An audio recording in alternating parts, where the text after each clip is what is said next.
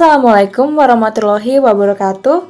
Shalom, Om Swastiastu, Namo Buddhaya, salam kebajikan dan salam sejahtera untuk kita semua. Selamat pagi, siang, sore, dan juga malam buat semua teman-teman yang lagi dengerin podcast ini. Gimana nih kabarnya? Di mana pun teman-teman sedang berada, aku harap kalian selalu diberi kesehatan dan kebahagiaan ya. Aku mau mengucapkan selamat datang kembali ke Amnesty Podcast. Kita di sini akan kembali mengupas mencari tahu, dan juga ngepoin tentang semua hal yang berkaitan dengan hak asasi manusia dengan cara yang santai dan juga seru nih pastinya. Perkenalkan nama aku Zevanya Deli Blesimanjuntak, biasa dipanggil Anya, dan aku di sini yang akan menemani kalian sampai akhir. Biar nggak sepi nih suasananya, aku juga ditemani sama salah satu member Amnesty Chapter Brawijaya yang pastinya asik banget dong, yaitu Kak Endrianto Bayu. Halo Kak Bayu, boleh saya hai dulu dong Kak kepada para pendengar kita dan juga perkenalan diri nih dikit-dikit. Halo semuanya, halo selamat pagi, selamat siang, selamat sore, dan selamat malam para pendengar podcast. Perkenalkan aku Endrianto Bayu, biasa dipanggil Bayu. Aku member dari R&D tahun 2020. Oke, salam kenal ya Kak Bayu. Oke guys, karena Kak Bayu udah hadir di sini nih sama kita semua, aku jadi makin gak sabar nih buat ngobrol-ngobrol sama Kak Bayu tentang topik kita hari ini. Di episode kelima Amnesty Podcast ini, kita mau ngebahas mengenai isu RKUHP yang saat ini lagi lumayan naik nih di kalangan masyarakat. Tapi sebelum membahas lebih lanjut mengenai permasalahan yang melingkupi perjalanan pengesahan RKUHP, kita tentunya perlu tahu dulu dong ya, sebenarnya apa sih uh, alasan diperlukannya RKUHP itu? Seberapa penting sih Kak Bayu urgensi kita untuk memiliki RKUHP? Oke, Anya, uh, kalau kita mau tahu sebenarnya apa itu RKUHP, ya RKUHP itu kan singkatan dari rancangan kitab undang-undang hukum pidana kayak gitu. Nah, sebenarnya sekarang Indonesia itu udah punya kok namanya itu KUHP. Jadi bukan rancangan lagi tapi memang KUHP kita itu emang udah punya sekarang itu. Cuman kan hmm. masalahnya gini, KUHP yang kita pakai sekarang itu kan produk hukum dari Belanda ya, dari kas kolonial Belanda kayak gitu. Jadi KUHP yang sekarang yang murni bener-bener KUHP buatan Indonesia kita masih belum ada karena kita pakai KUHP kolonial Belanda kayak gitu kalau dibilang urgensinya apa uh, ya sangat urgent sekali sebenarnya. Pertama karena dari sisi KUHP itu sendiri banyak sekali kelemahan-kelemahan ya uh, terkait dengan isi kemudian terkait dengan eh, materi-materi uh, muatannya itu masih banyak kelemahan sekali karena banyak kerancuan yang sebenarnya itu tidak sesuai dengan uh, kondisi masyarakat Indonesia itu sendiri. Itu kelemahan mendasarnya. Terus yang kedua uh, ya itu warisan Belanda ya. Jadi sebenarnya kita juga pengen kan uh, punya KUHP yang versi Indonesia sendiri kayak gitu. Jadi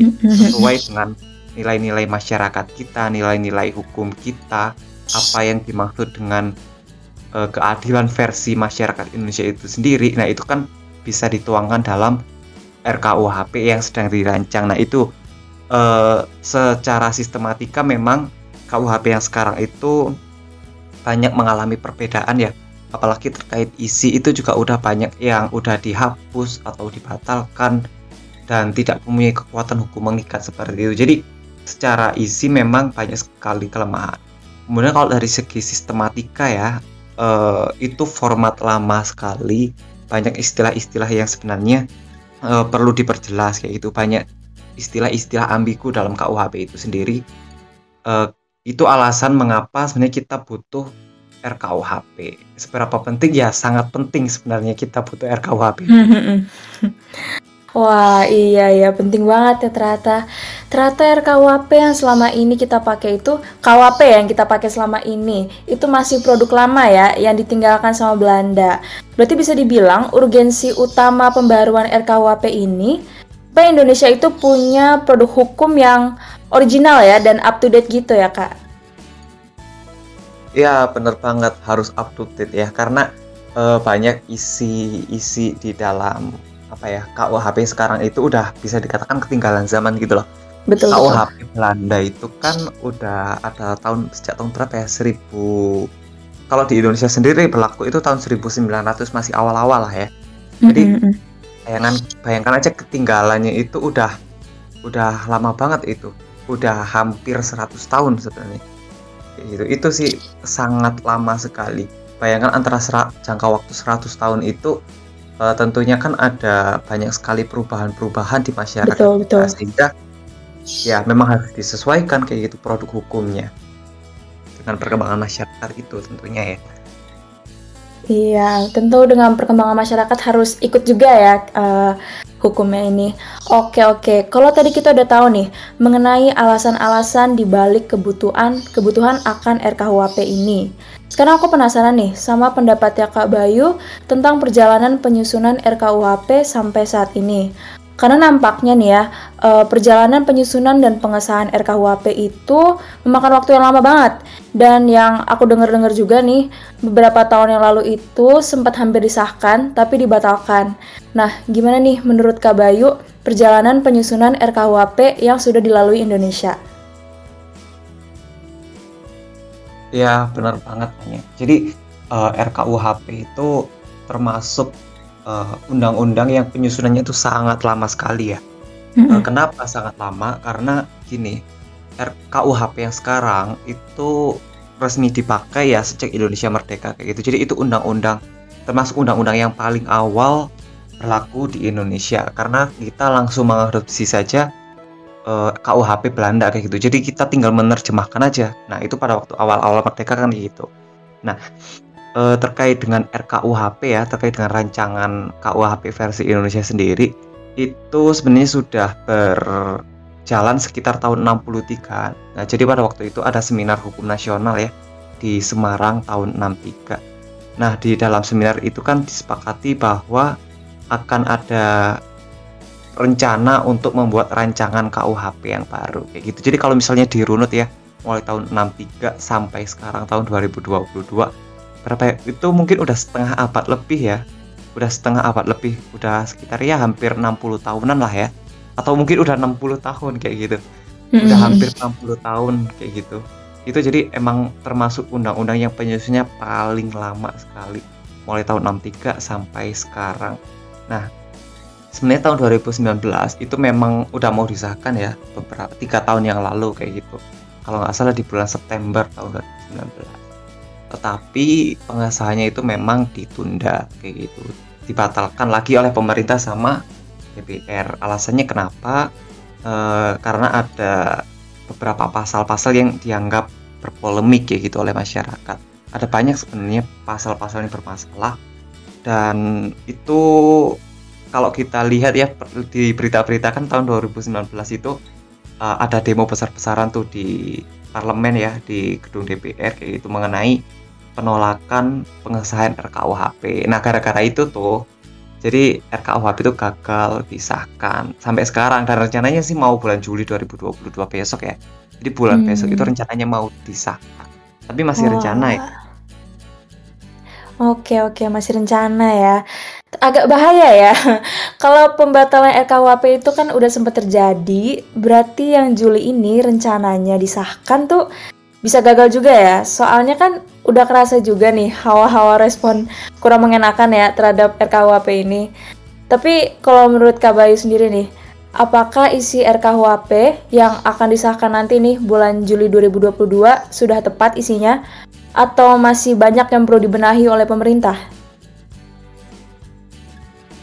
Nah, kalau misalnya dari isi ya, eh, permasalahan mendasarnya itu gini. Sampai sekarang pun, itu publik nggak tahu isi dari RKUHP sekarang itu gimana. Nah, itu Ah. sebenarnya masalahnya. Kenapa? Karena gini, draft RKUHP terbaru itu masih belum dipublikasikan, dipublikasikan loh ya ke masyarakat kayak gitu. Jadi draft yang beredar sekarang itu draft lama tahun 2019. Kan pemerintah Hmm. udah bilang eh, bahwa dari draft terbaru tahun 2019 itu ada yang diperbarui, ada yang dan segala macam. Nah, otomatis kan jelas ada perubahan tuh yang dibanding tahun 2019 ya. Nah, sampai sekarang pun yang rencananya Juli mau disahkan itu belum ada yang terbaru yang dipublikasikan ke masyarakat kayak gitu. Draftnya itu masih belum ada kayak gitu. Jadi masih simpang siur. Artinya apa? Uh, sebelum kita berasumsi macam-macam itu yang jelas kita harus baca dulu kan isi dari RKUHP itu sendiri. Betul. Kalau misalnya bilang tepat atau nggak tepat, ya kalau kita mengacu ke tahun 2019 ya, e, karena kan kita pegangnya yang tahun 2019 kayak gitu. Nah, otomatis nggak tepat kayak gitu. Kenapa? Karena ada banyak sekali e, pasal-pasal yang dinilai ambigu, kemudian dinilai e, meng, apa ya menjerat kebebasan masyarakat itu sendiri itu Oke. Okay. Oke oke, setuju sih kata aku ya. Katanya kan sudah diperbaharui, tapi kalau misalnya daftar barunya aja itu nggak dirilis ya ke publik, gimana masyarakat mau menilai kesesuaian isi RKUHP ini nih dengan hak dan kebutuhan bersama? Padahal kan RKUHP ini perannya juga sebagai jaminan hukum masyarakat ya. Apalagi kalau misalnya kita bahas soal yang lagi rame-ramenya nih, soal pasal yang berkaitan dengan tindakan pidana terhadap uh, tindak pidana penghinaan terhadap presiden dan wakil presiden dan juga tindak pidana terhadap kekuasaan kekuasaan umum gitu. Kalau menurut Kak Bayu nih, apa sih yang bermasalah dari ketentuan ini? Kalau terkait dengan delik penghinaan ya, hmm. eh, yang bermasalah itu pertama mengenai dari segi eh, isinya atau bunyi pasalnya itu yang multitafsir kayak gitu penghinaan penghinaan itu sendiri ya. Terus yang kedua adalah mengenai itu uh, ada ancaman kriminalisasi atau represitivitas lah ya bahasanya. Jadi uh, kita kan negara demokrasi ya otomatis kadang kalau antara penghinaan sama kritik itu kan letak perbedaannya itu kan kadang ya kadang sangat tipis banget kayak gitu. Jadi kalau misalnya penghinaan itu dianggap sebagai sebuah kejahatan. Ya mungkin bisa dikatakan iya. Tetapi kalau kritik kritik itu kadang kan bisa diasumsikan juga sebagai penghinaan kan ya. Tapi tergantung uh, siapa yang kita kritik kayak gitu. Jadi kalau misalnya nih uh, saya ngeritik pejabat atau presiden wakil presiden gitu ya. Mm-hmm. nah terus kalau misalnya orangnya baper gimana? Nah kan itu termasuk yang bermasalah kan. Artinya kan ada potensi uh, memberangus kebebasan berpendapat itu sendiri termasuk mengajukan kritik itu termasuk yang bermasalah pada pasal mengenai penghinaan. Nah sebenarnya siapa sih yang diatur dalam tindak pidana penghinaan kepada presiden wakil presiden? Uh, kalau kita baca ya sepanjang pengetahuan saya itu ada tiga. Yang pertama presiden, wakil presiden, kayak gitu. Kemudian ada lagi kekuasaan umum. Nah sebenarnya siapa yang dimaksud dengan kekuasaan umum? Yang pertama itu misalnya ya DPR kayak gitu. Kemudian DPD mm -hmm. ya segala macam ada di penjelasan kalau itu. Nah terkait dengan kekuasaan umum itu sendiri uh, itu kan merujuk pada lembaga ya. Sebenarnya tiga-tiganya lembaga sih ya. Presiden mm -hmm. wakil kemudian kekuasaan umum itu semuanya lembaga. Meskipun presiden itu adalah orang perseorangan artinya presiden itu punya dua sisi yaitu sisi sebagai presiden dan satu sisi sebagai personal kayak gitu. Sebagai orang perseorang. Nah kalau misalnya saya mengkritik presiden kayak itu dalam artian mengkritik ya itu bisa aja kan dituduh sebagai menghina kayak gitu. Oh. karena aku bilang tadi letak perbedaan antara menghina kemudian mengkritik itu sangat tipis sekali. Bisa diinterpretasikan macam-macam kayak gitu. Kalau misalnya orangnya baper uh, ya udah kayak gitu itu bisa aja ya artinya ada potensi di dalamnya kayak gitu uh, gitu uh, menurutku hanya memang sangat bisa dikatakan over criminalization aja sih kalau ini ya ketentuan mm. mengenai delik Wow, wow, bener bener bener bener. Aku setuju sih. Uh, kalau nggak ada garis jelas gitu ya, yang memisahkan definisi kritik dengan hinaan yang uh, termasuk hinaan gitu bagi pemerintah. Pastinya kan hak berdemokrasi, berpendapat masyarakat itu jadi uh, limited gitu ya, jadi terancam lebih sempit daripada biasanya, iya kan ya kak? Benar banget. Kenapa uh, pasal ini dikatakan bermasalah? Ya tadi memang uh, di dalamnya itu ada semacam bunyi yang multitafsir, bisa dipersepsikan mm -hmm. macam-macam dan kemudian ada potensi pasal itu dikatakan pasal jahat. Gitu. Ya.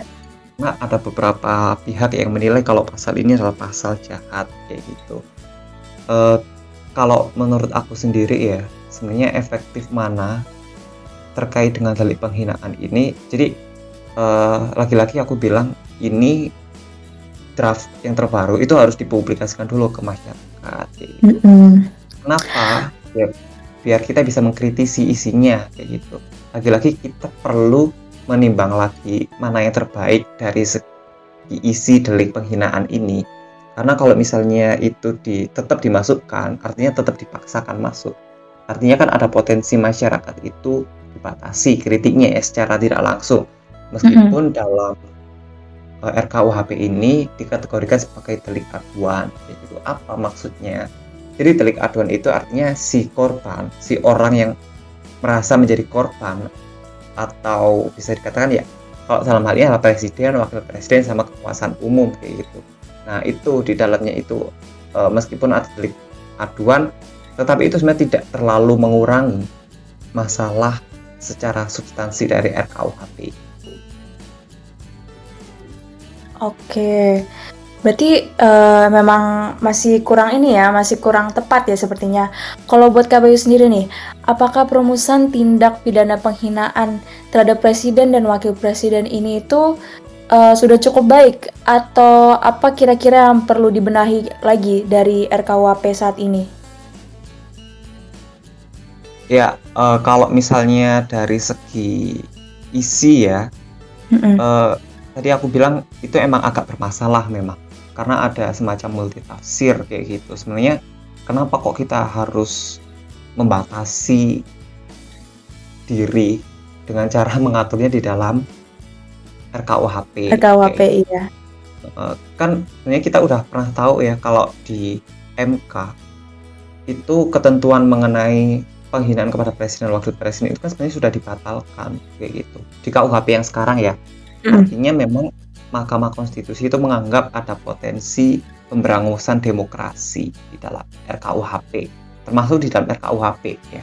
Kalau kita lihat di putusan MK kayak gitu.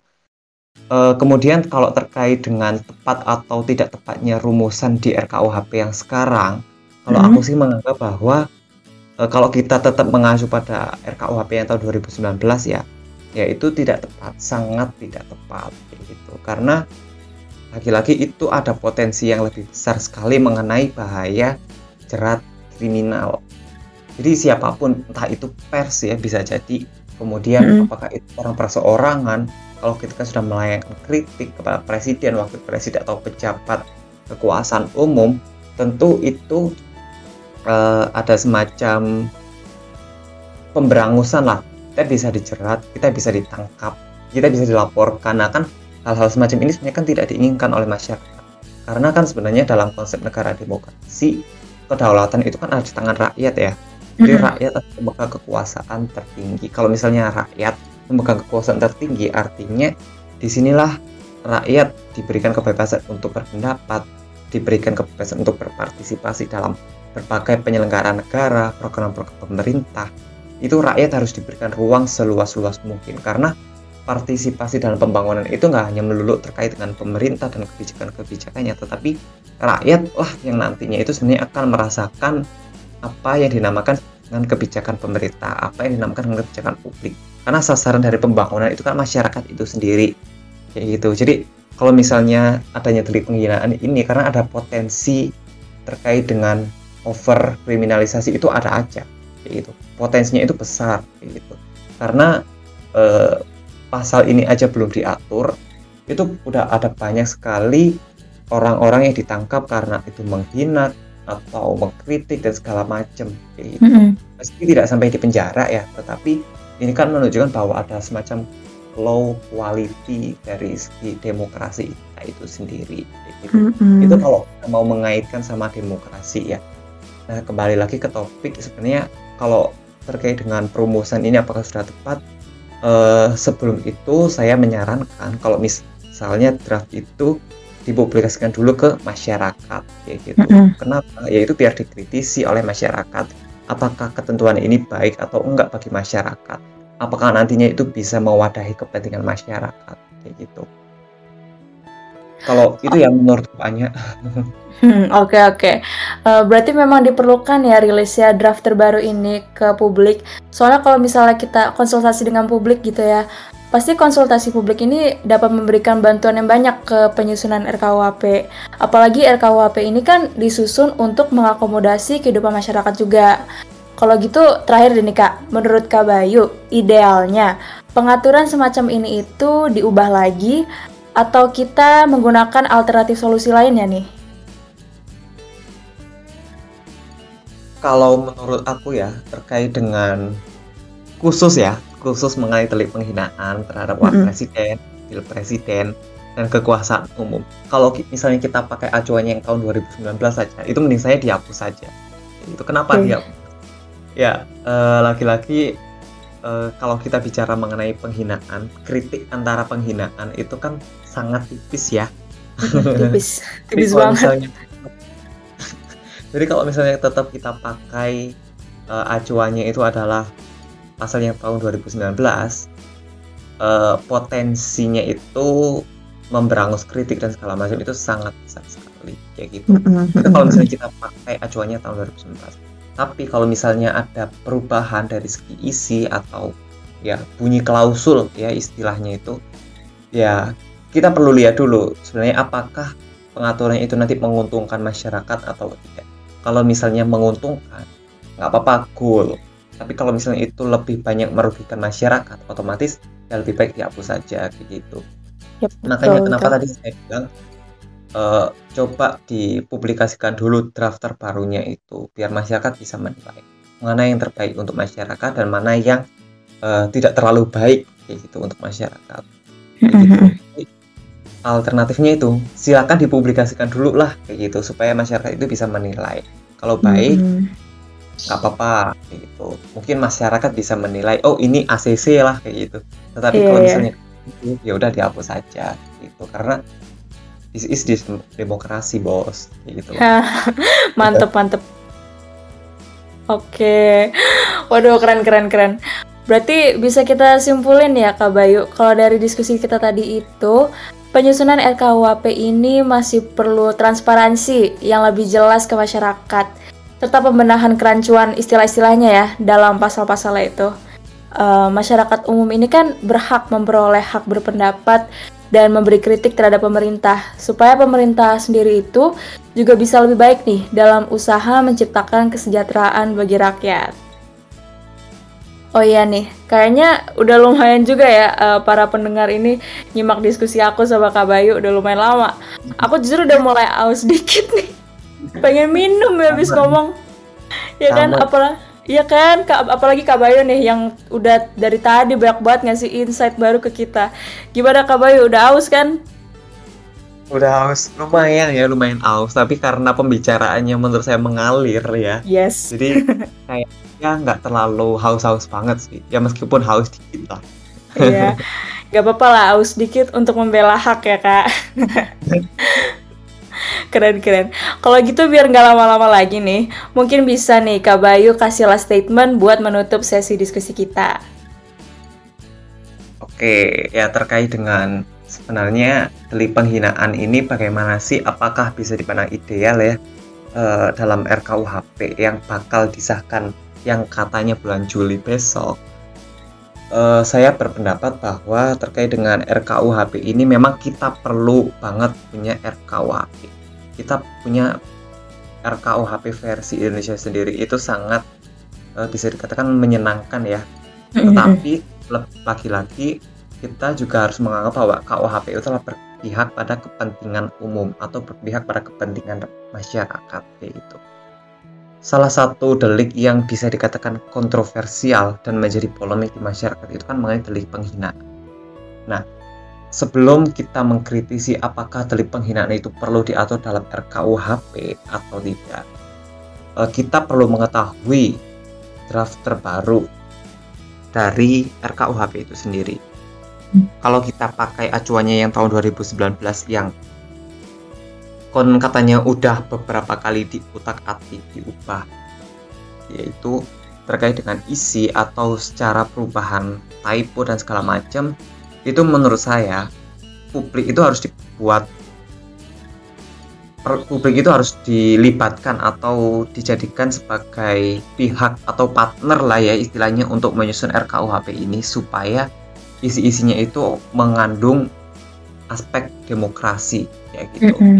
Kenapa saya bilang karena RKUHP ini sangat sangat penting bagi kehidupan masyarakat karena RKUHP ini mengatur masyarakat. Jadi masyarakat itu kan dijadikan objek pengaturan kayak gitu nggak hanya objek pengaturannya saja, tetapi masyarakat di sini juga dijadikan sebagai subjek, yaitu orang yang diajak untuk berpartisipasi dalam menegakkan hukum.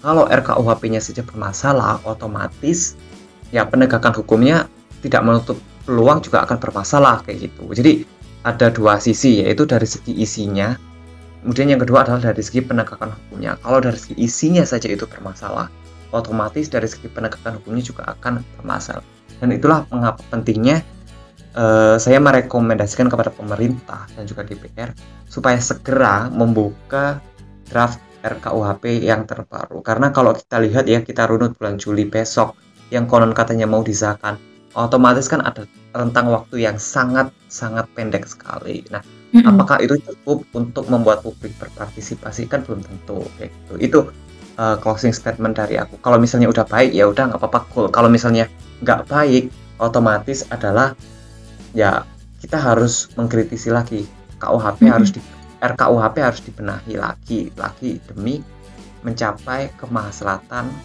masyarakat.